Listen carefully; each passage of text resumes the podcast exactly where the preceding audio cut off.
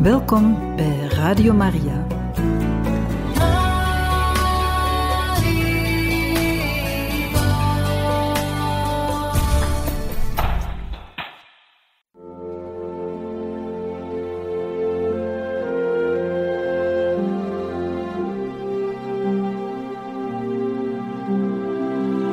Beste luisteraars van Radio Maria, welkom bij het programma Catechismus. Een overweging bij de geloofschat van de kerk.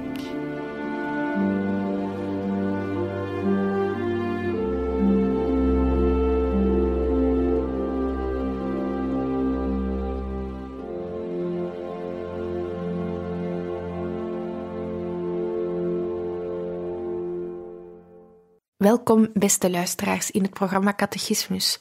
Ook vandaag kan u verder luisteren naar een catechese-reeks gebracht door priester Pierre-François over eschatologie. Vandaag gaan we het hebben over de concrete inhoud van de beloftes die ons worden gedaan voor het eeuwige leven. We hebben al gezien dat Christus zou verrijzen, dat wij door de verrijzenis van Christus en dankzij die ook gaan verrijzen, maar we hebben nog niet duidelijk gezegd hoe het zal zijn daar. Wat volgt er na de terugkomst van Jezus? Of wat gebeurt er tussen onze dood en de terugkomst van Christus? Wel, we lezen uit het Evangelie van Johannes. Voorwaar, voorwaar, ik zeg u, zegt Jezus, er zal, er zal een uur komen, ja, het is er al, waarop de doden de stem van Gods Zoon zullen horen, en die haar horen zullen leven. Zoals de Vader geleefd, zoals de Vader geleven heeft in zichzelf, zo gaf hij ook aan de Zoon leven in zichzelf te hebben. Hij heeft hem macht gegeven om oordeel te vellen. Hij is immers de mensenzoon. Verwondert u niet hierover, er zal een uur komen waarop alle die in de graven zijn zijn stem zullen horen. Dan zullen zij die het goede deden eruit tevoorschijn komen tot de opstanding ten leven, maar die het kwade deden tot de opstanding ten oordeel. Einde citaat. Er volgt dus na onze dood de mogelijkheid om op te staan op het einde van de tijd ten leven of ten oordeel, zegt Jezus in het Evangelie van Johannes. Dat betekent dat iedereen zijn lichaam opnieuw zal krijgen.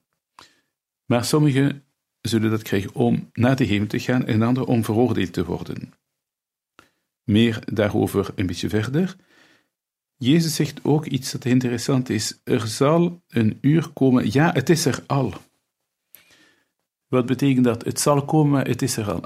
Dat betekent, het is er al gedeeltelijk, in kiem, maar het is nog niet in volheid. Met andere woorden, dat eeuwige leven, daar hebben we al iets van nu. Wat is ons doel? Ons doel is niet hier een beloning te krijgen, die krijgen we wel, op een of andere manier, maar het doel van ons leven is eigenlijk de hemel. De catechisme van de katholieke kerk uh, en de gebeden voor de stervende gedurende doodstrijd herinneren ons eraan dat de christelijke openbaring ons niet twee wegen in het voorzicht stelt, de redding of de ondergang, het paradijs of de hel. Het doel is de hemel. De catechismus maakt het duidelijk dat er twee richtingen zijn. De, het paradijs of de hel, met andere woorden de redding of de ondergang. Dat er ook een tussentoestand is waarin we ons moeten zuiveren als het nodig is. Maar Christus is wel op aarde gekomen om alle mensen te redden. Het enige doel van ons leven is God en God geeft ons ook de middelen om dat te bereiken. Maar niet iedereen zal gebruik maken van zijn vrijheid om dat te aanvaarden. Maar de weg die Christus ons aanbiedt is een weg ten leven.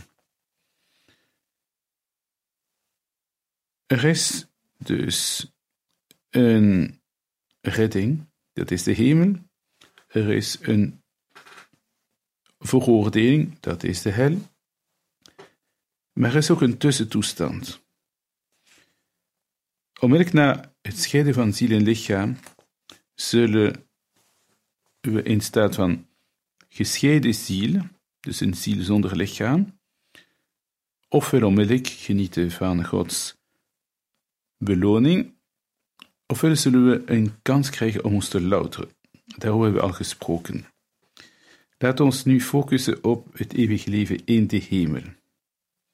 Wel, dat is een geloofswaarheid. Wat is de hemel? Het is de naam die we geven voor de volmaakte liefdes- en levensgemeenschap met de Allerheiligste Drievuldigheid, waar we verenigd zullen zijn met de Moeder van God, alle engelen, alle zaligen. In de hemel leven, dat betekent met Christus zijn. Het gaat niet over de hemel zoals uh, wat we boven ons hoofd zien, die blauwe lucht of uh, die wolken die daar zijn. Het gaat over een toestand uh, waarin we definitief zullen zitten. en dat werd ook door concilies bevestigd. Het Tweede Concilie van Lyon in 1274 in de zogenaamde geloofsbeleidenis van Michael Paleologus, uh, en dan in het concilie van Florence, Firenze, in de bull Letin Torricelli.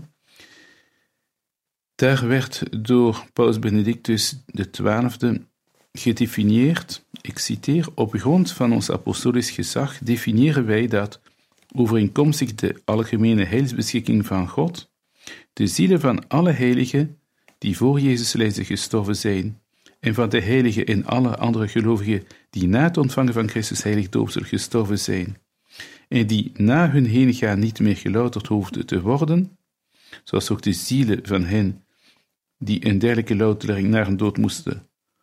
Of moeten ondergaan en deze voltooid hebben, zelfs voor ze hun lichaam opnieuw aannemen en voor het laatste oordeel, en wel vanaf de hemelvaart van onze Verlosser Jezus Christus, dat zij alle in de hemel, in het rijk der hemelen, in het hemelsparadijs bij Christus zijn, in gezelschap van de heilige engelen, verzameld, ze worden verzameld en, en ze zullen verzameld worden. Ik ga hier stoppen met dit citaat, dat bepaalde eigenschappen vertoont van het leergezag van de kerk in tijden van controversies, dat de paus echt moet zeggen, in detail hm, alles wat wij geloven of wat wij niet geloven. Dat zegt gewoon dat wij God zullen aanschouwen. Uh, en de paus gebruikt zelfs een beetje verder de woorden intuïtief schouwen van aangezicht tot aangezicht, zonder tussenkomst van een schepsel. Dus volgens het leergezag van de kerk is in de hemel zijn God kunnen aanschouwen rechtstreeks. Dat betekent dat de goddelijke essentie en alles wat God wil openbaren aan de mensen, dat dat allemaal enig gestort wordt in ons verstand, zonder enige bemiddeling, met als gevolg dat we weten op een bovennatuurlijke manier, een glorierijke manier, hoe de dingen in elkaar steken en hoe God ons bemint. Dat gaat een soort verzadiging zijn van ons verstand, een vervulling van onze wijsheid, een visie die ons helemaal gelukkig maakt en waar er geen enkele schaduw meer is van onwetendheid of gebrek of pijn of, of wat dan ook. Wat vertelt de Heilige Schrift ons over die hemel? Wel, eh, God geeft geen verklaring over de plaats waar de hemel zich bevindt, geologisch of astronomisch. Hm? God bedient zich van een bepaalde taal die de mensen begrijpen, om een plaats aan te geven waar de mensen gelukkig zijn, bijvoorbeeld met een, verwijzing naar een banket of een huwelijksfeest of uh, wat dan ook. Het geloof in toekomstig leven is niet vanaf het begin aanwezig bij de Joden, dat is maar geleidelijk aangegroeid. In het begin, ten tijde van Abraham, werden de geboden gegeven gewoon om gelukkig te zijn op aarde, punt. Het is maar beetje bij beetje dat de mensen zijn gaan beseffen dat er een nieuw leven ons verwachtte na de dood. Het uh, Nieuwe Testament maakt dat altijd maar duidelijker en duidelijker. En zelfs het boek de Openbaring van de Heilige Johannes beschrijft een soort realiteit waarvan we niet duidelijk weten is dat een visioen van wat er al is, bijvoorbeeld de liturgie van de predikerk die er hemels uitzag, of is dat een voorafbeelding van wat er gaat komen in de hemel? Waarschijnlijk een beetje van de twee. Ik denk dat Johannes, toen hij zijn openbaring heeft gekregen, voor een stuk keek naar bijvoorbeeld de liturgie van de kerk. Dat staat duidelijk beschreven in het boek der openbaring, dat er sprake is van een eredienst, die alle eigenschappen heeft van onze huidige liturgie. Zeker de meer traditionele liturgie. Het is duidelijk dus dat Johannes dat voor ogen heeft, maar het is ook duidelijk dat Johannes dat brengt op een meer geestelijk niveau en dat het ook moet gezien worden als een soort profetie van wat er later gaat komen. In elk geval, het wordt voorgesteld als een onuitputtelijke schat. Dus uh, wanneer Jezus het Rijk Gods vergelijkt met iets, dan gebruikt hij het beeld van een verborgen schat of van een maaltijd, of van een feest, of van een herenigd familie, denk aan de verloren zoon, allerlei beelden die ons intuïties geven van in welke richting je moet gaan denken. Wij denken misschien te veel in termen van glimmer, omdat we ja, via de media en de wereld van de films een beetje de neiging hebben om ons de hemel voor te houden als iets luxueus, als iets uh, dat blinkt.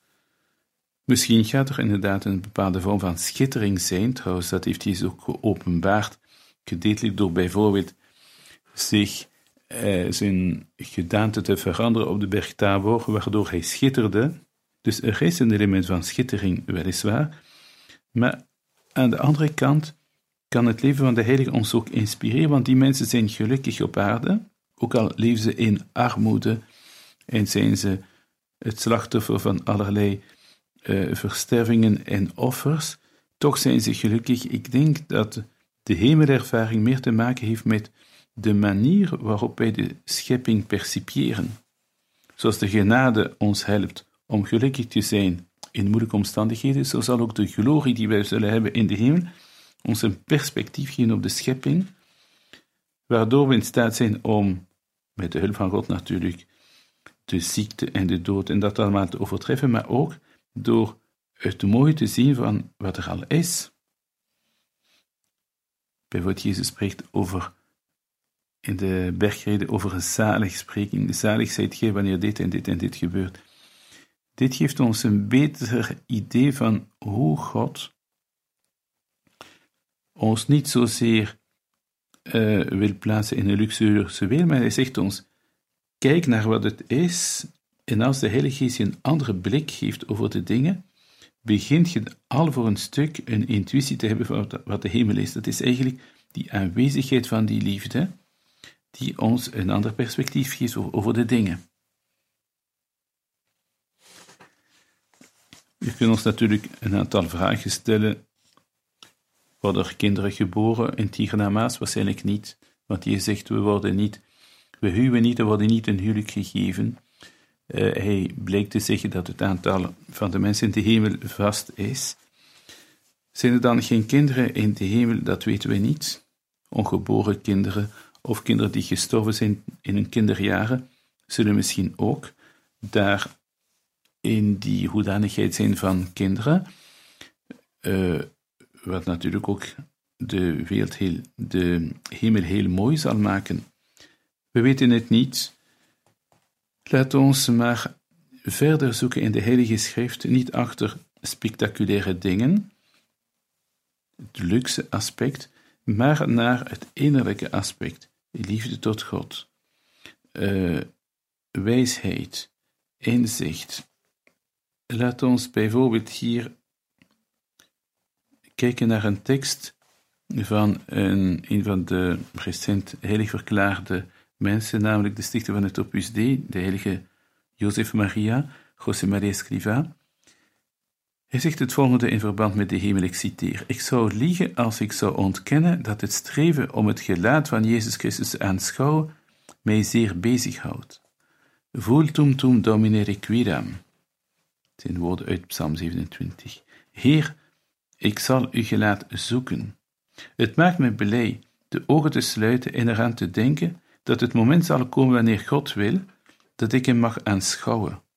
Niet zoals in een spiegel of in raadselachtige contouren, maar van aangezicht tot aangezicht.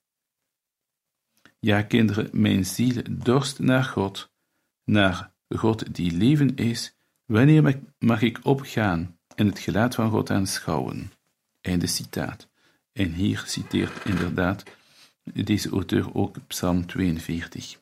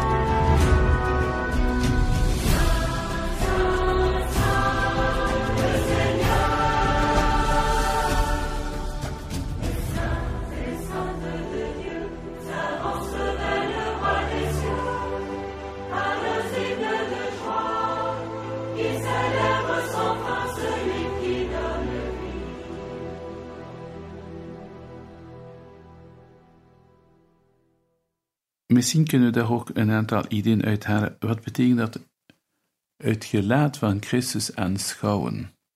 Dat betekent tot stand brengen van een heel bijzondere relatie, waardoor wij begrijpen dat de Heer niet zozeer een kwestie van genieten van allerlei dingen, materieel bijvoorbeeld, maar dat het gaat over het creëren van een heel enige relatie met Christus een kwestie van vriendschap. En we weten uit ervaring dat hetgeen dat ons hart het meest vervult hier op aarde, dat is de liefde. Het zijn die uh, relaties die we bouwen onderling. Ik denk dat de vrouwen meer gevoelig zijn voor het aspect relationeel dan mannen, die meer bezig zijn met dingen en doen en handelen. De Heer moet ons ook voorstellen als het creëren niet enkel van een omgeving die leuk is om erin te spelen, als het ware, het is ook het creëren van relaties van liefde. Veel auteurs gaan akkoord over het feit dat het belangrijkste dat wij krijgen in de hemel is de directe aanschouwing van God, de zogenaamde visio beatifica, de gelukzalige aanschouwing van God.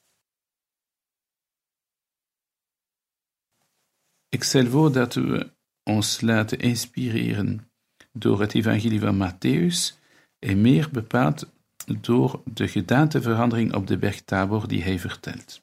Ik lees. Zes dagen later nam Jezus Petrus, Jacobus en diens voor Johannes met zich mee en bracht hen boven op een hoge berg waar zij alleen waren. Hij werd voor hun ogen van gedaante veranderd. Zijn gelaat begon te stralen als de zon, en zijn kleed werd glanzend als het licht. Opeens verschenen hen Mozes en Elia, die zich met hem onderhielden. Petrus nam het woord en zei tot Jezus, Heer, het is goed dat we hier zijn. Als gij wilt, zal ik hier drie tenten opslaan. één voor u, één voor Mozes en één voor Elia. Nog had hij niet uitgesproken, of een lichtende wolk overschaduwde hen, en uit die wolk klonk een stem. Dit is mijn zoon, de welbeminde, in wie ik welbehagen heb gesteld. Luistert naar hem. Op het horen daarvan wierpen de leerlingen zich ter aarde neer, aangegrepen door een hevige vrees. Maar Jezus kwam naar hen toe, raakte hen aan en zei: Staat op en wees niet bang.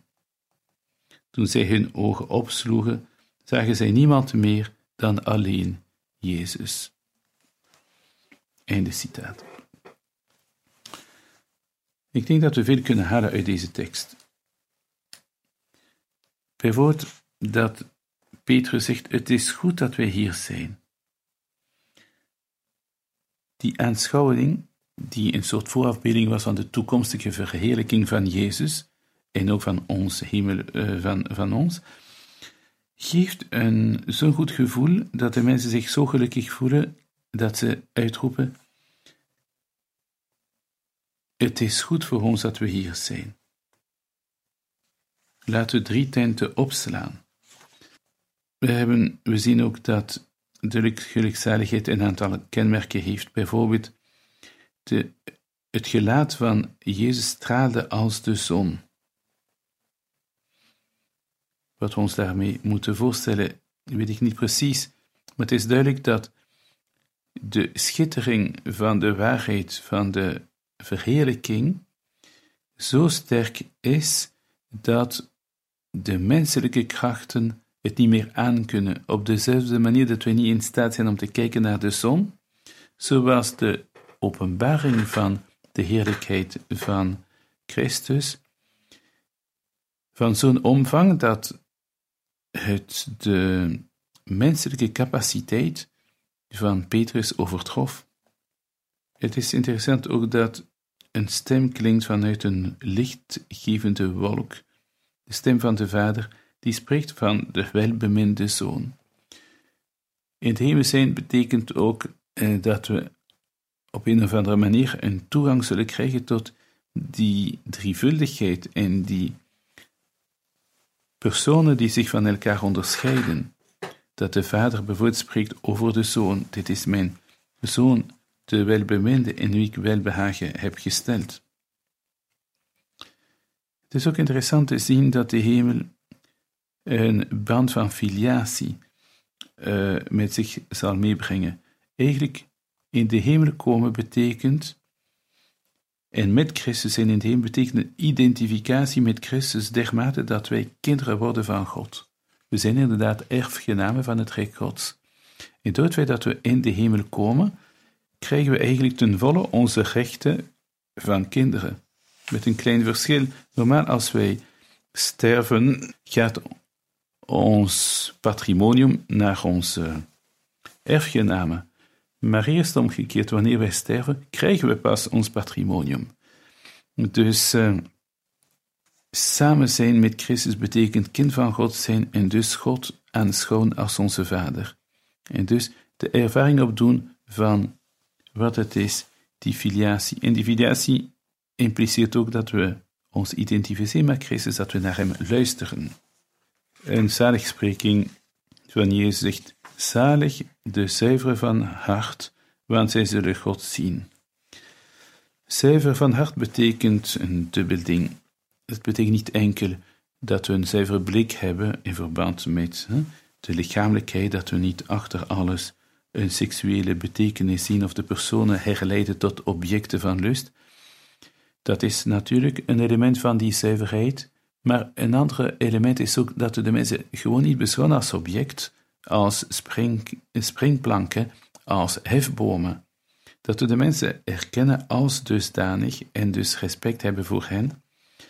Zalig de zuiver van hart betekent iemand die in staat is om oog te hebben voor de ziel, om oog te hebben voor de persoon, om het materiële te overstijgen, om te gaan naar die authentieke band van liefde die ons verenigt met de mensen.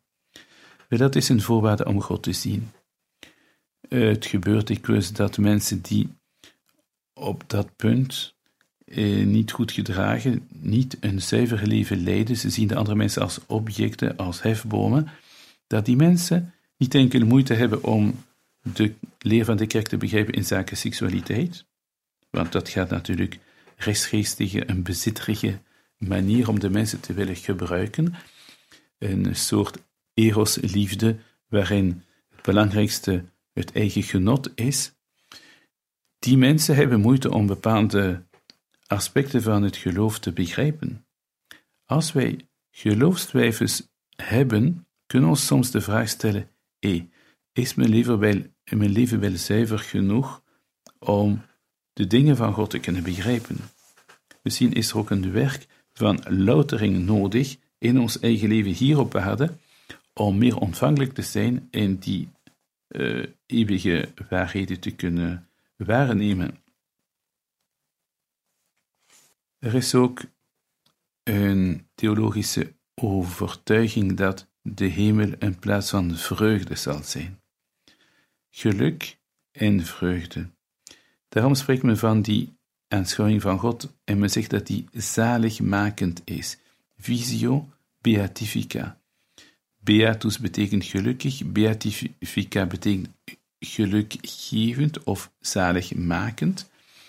Dus die visie van God gaat ons gelukkig maken. Dus er is een soort connectie tussen hetgeen dat wij aanschouwen en hetgene dat wij zullen beleven. Dat is voor ons geen verrassing, want zo gebeurt het ook met de menselijke liefde. Het aanschouwen van een persoon van wie we beginnen te waarnemen hoe mooi dat die is, uiterlijk, maar ook innerlijk. Dus die aanschouwing van de schoonheid die liefde wekt, maakt gelukkig.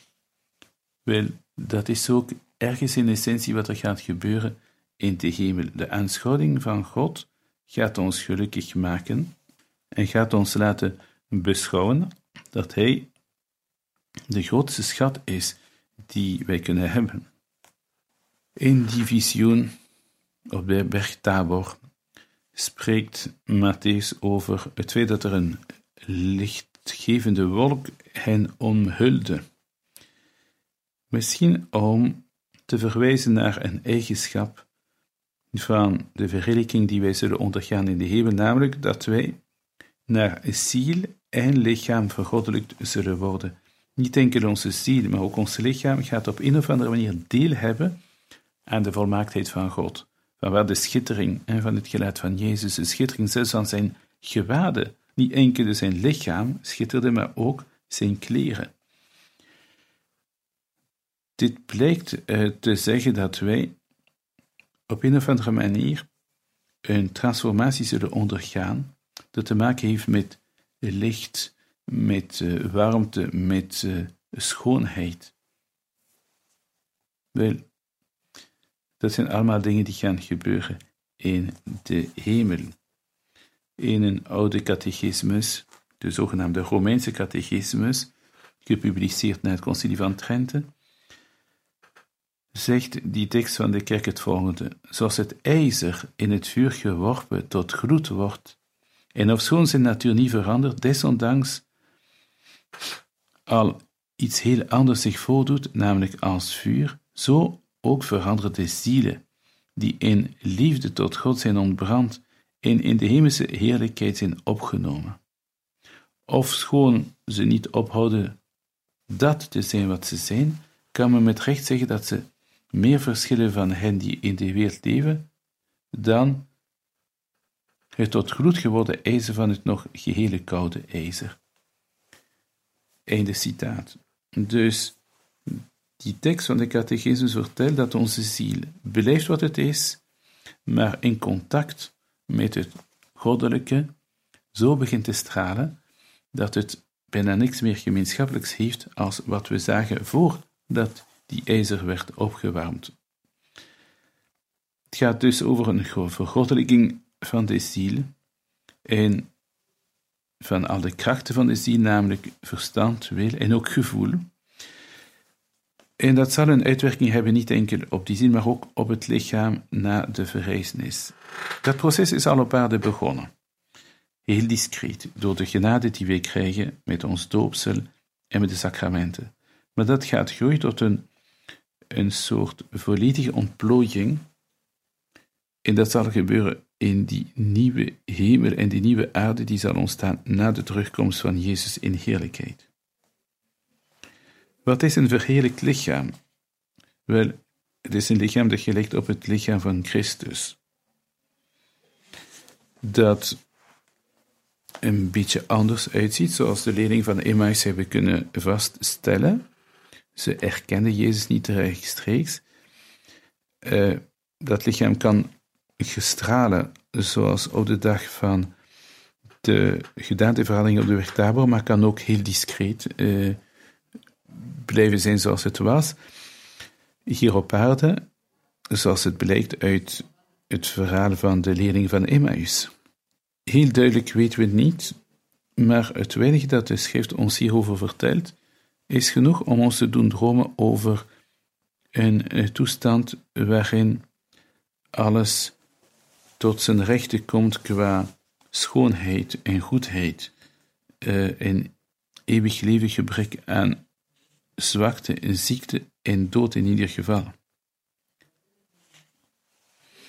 Dan zal die heerlijkheid ook, dus uh, dat hebben we al gezegd, gepaard gaan met een relationeel iets. We zijn kinderen van God.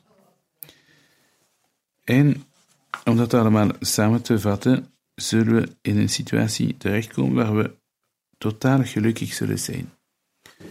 Hier op aarde is het duidelijk dat we niet de volledige uh, schoonheid uh, en liefde en volmaaktheid kunnen ervaren, maar daar in de hemel wel. Wel, dat is wat God voor ons voorbereid heeft. Dus om samen te vatten, zullen we danks, en dat weten we dankzij de openbaring, in het staat komen waarin we een oneindige vreugde zullen kennen, een relationele toestand van broederlijkheid en filiatie ten opzichte van God en de Heilige en Christus, en Maria zelfs, en dat de liturgie van de eerste christenen, zoals bijvoorbeeld die beschreven staat in het boek der Openbaring, ons al een soort voorsmaak kan geven van hoe die, uh, dat leven zal uh, zijn in de eeuwigheid. Het zal in elk geval iets zijn dat echt de moeite waard is, en dat alle offers die we moeten opbrengen op aarde hier, dat die niet opwegen tegenover de heerlijkheid waarvan de openbaring ons te wachten staat.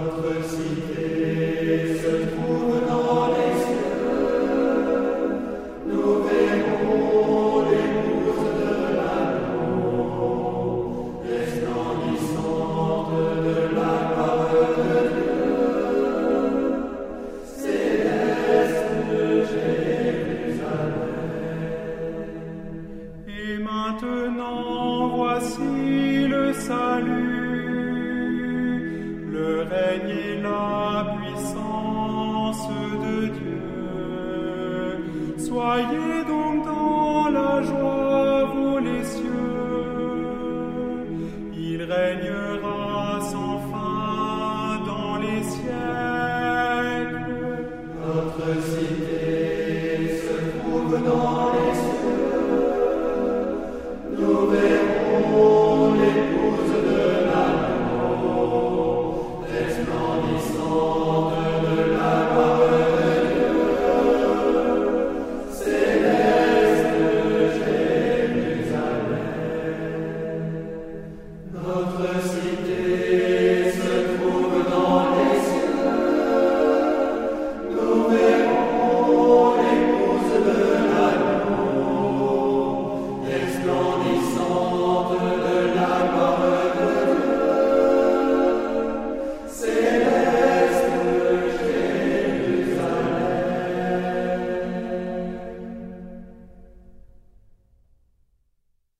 En zo zijn we aan het einde gekomen, beste luisteraars, van deze aflevering over eschatologie in het programma Catechismus, u gebracht door priester Pierre-François. Radio Maria wenst u nog een mooie dag toe.